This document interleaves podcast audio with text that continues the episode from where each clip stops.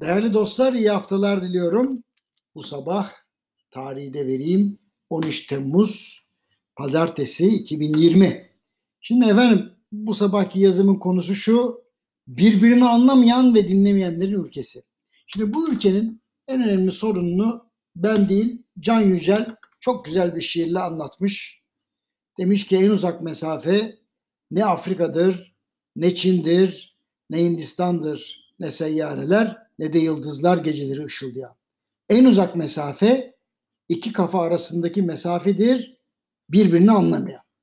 Şiir aslında Herman Amato'ya ait. Fakat Can Yücel kendi sosundan da katarak çok güzel bir çeviri yapmış. Şimdi bunu neden paylaştım anlatayım. Bazen zamanda geriye gidip öngörülerimin isabetli olup olmadığı konusunda inceleme yapıyorum. Geçen hafta hiç üşenmedim. 2013 yılının sonlarına kadar gittim ve tim üyeleri için yani Türkiye İhracatçılar Meclisi üyeleri için yaptığım bir değerlendirmeyi buldum. Söz konusu değerlendirmenin bir kısmını sizinle paylaşayım. Diyorum ki birçok girişimci kapasite büyütmek için yatırım kararı almış durumda. Ancak yatırım için gereken makine ve teçhizat ithal olması sebebiyle yabancı para cinsinden kredi kullanmak istiyorlar. Dolar kazanan sanayici Euro cinsinden çok düşük faizli satıcı kredisi bulduğunu söylüyor. Bu arada Avrupa'ya mal satan bazı ihracatçılar da dolar cinsinden kredi alacaklarını söylüyorlar. Bu durumda parite hareketlerine karşı hassas bir durum ortaya çıkıyor. Dikkatli olmak lazım. Şimdi anlaşılıyor ki demek ki 2003'te ihracatçılar bir sonraki yıl olan 2014'te ciddi bir ihracat artışı yapacaklarını düşünerek kapasite arttırımına karar vermişler. Bunun için de ciddi bir döviz borçlanmasına girişecekleri de anlaşılmış durumda. Döviz kurlarının sakin seyretmesi o, sebep, o zamanlarda sakin seyrediyordu hatırlarsınız. Bu konuda onlara cesaret vermiş. Çok iyi hatırlıyorum 2013 yılı boyunca dolar kuru 1.75 ile 2 lira arasında gidip gelmişti. Şimdi o günkü analize tekrar geri döneyim. Hem Avrupa Birliği hem Amerika Birleşik Devletleri tarafının neredeyse sıfıra yakın faiz politikası uygulamaları paritenin yönü hakkında belirsizlik yaratıyor. Şöyle ki son yıllarda 1.28 ile 1.45 arasında gidip gelen euro dolar son aylarda 1.33 ile 1.38 arasına sıkıştı. Sanayiciler ve ihracatçılar sadece dolar TL ya da döviz sepetinde değil paritede de istikrar istiyorlar. Bu kötü bir haber olacak ama her ikisi hakkında da çok iddialı hedefler göstermek doğru olmayacaktır.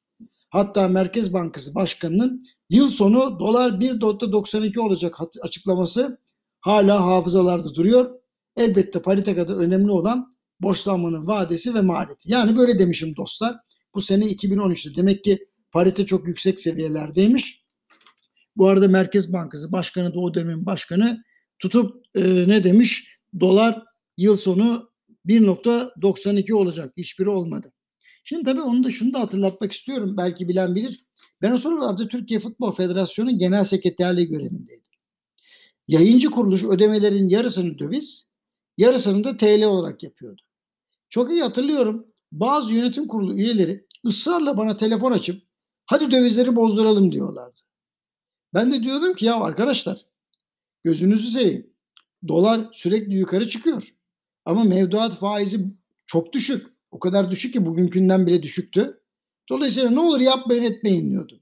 Şimdi yayıncı kuruluşun 2013-2014 sezonu için ödemeleri yapmaya başladı. 2013 yaz aylarında kurlar tekrar yukarı çıkmaya başladı. Ve bu durum benim görevi bıraktığım 2014 Eylül ayına kadar devam etti. Şöyle diyeyim size tam bir yıl içerisinde dolar kuru 1.75'ten 2.20 lira seviyesine yükseldi.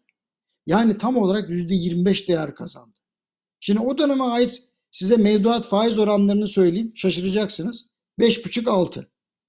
Yani döviz kurlarının yükselişi mevduat faizine göre 20 puan fazla ama sürekli olarak yöneticiler hadi dövizi bozduralım sağlam iş yapalım diyorlardı.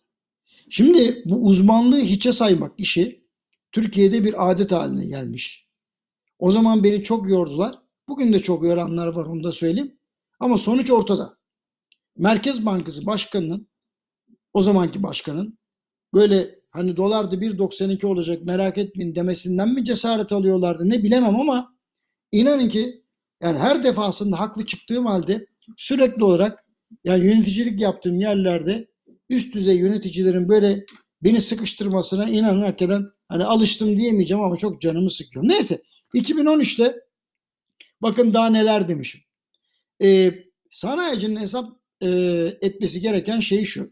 Kredinin vadesi ve maliyeti üretilen malın talep artışıyla uyumlu olacak mı?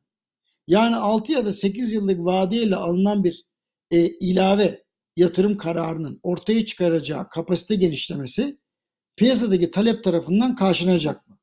Bundan da önemlisi söz edilen vade içinde umulandan daha fazla taleple karşılaşılması durumunda yahu keşke daha büyük düşünseydim denecek midir?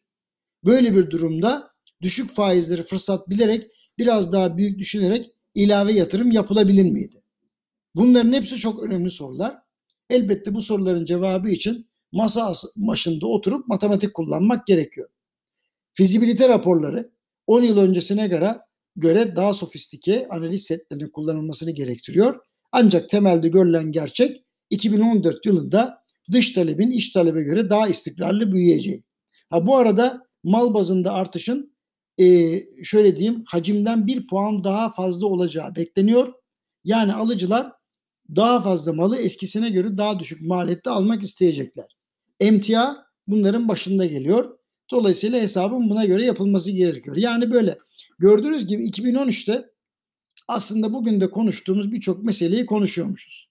Şimdi gerçekten de bu analizde öngördüğüm gibi 2014 yılında ciddi bir rekor kırıldı küresel ticarette.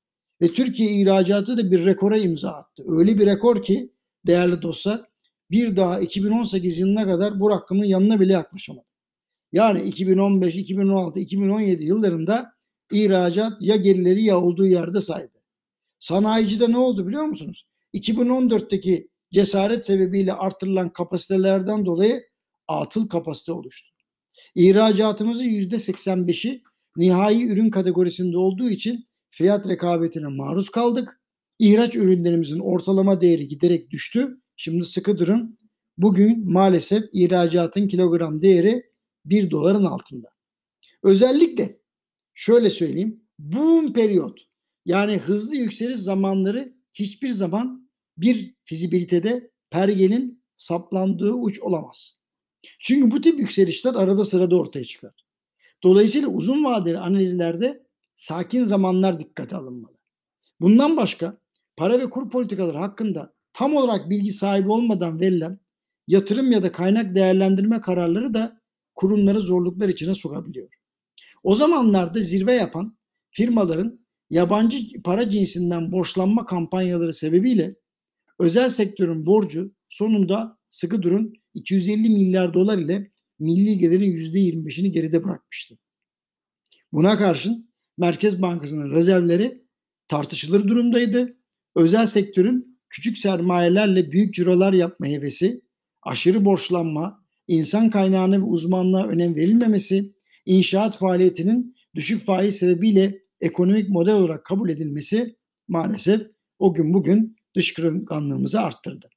Nihayetinde eldeki döviz kaynağını hemen satıp TL mevduatı dönmekten başlayarak dövizi ucuz bulup muazzam borçlanmalar yapmaya kadar çok sayıda hata yapan onlarca yıllık kurumların Meğerse iki buçuk aylık ömürleri varmış. Pandemide bunu anladık. Eğer düşük faizli borçlanmalar ve yeniden yapılandırmalar olmasa bunların ayakta kalması mümkün değilmiş. Acı ve gerçek. Futbol sektöründe çeşitli kademelerde yöneticilik yaparken kulüp idarecileriyle ilgili şu yorumu yapanlar vardı. Kendi şirketleri olsa böyle yönetmezler.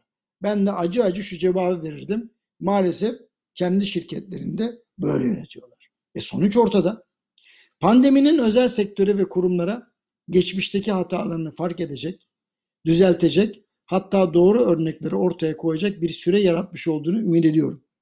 En azından kendimizle yüzleşmek ve birbirimizi dinlemek adına. Efendim biraz uzun oldu bugün ama hepinize iyi haftalar diliyorum.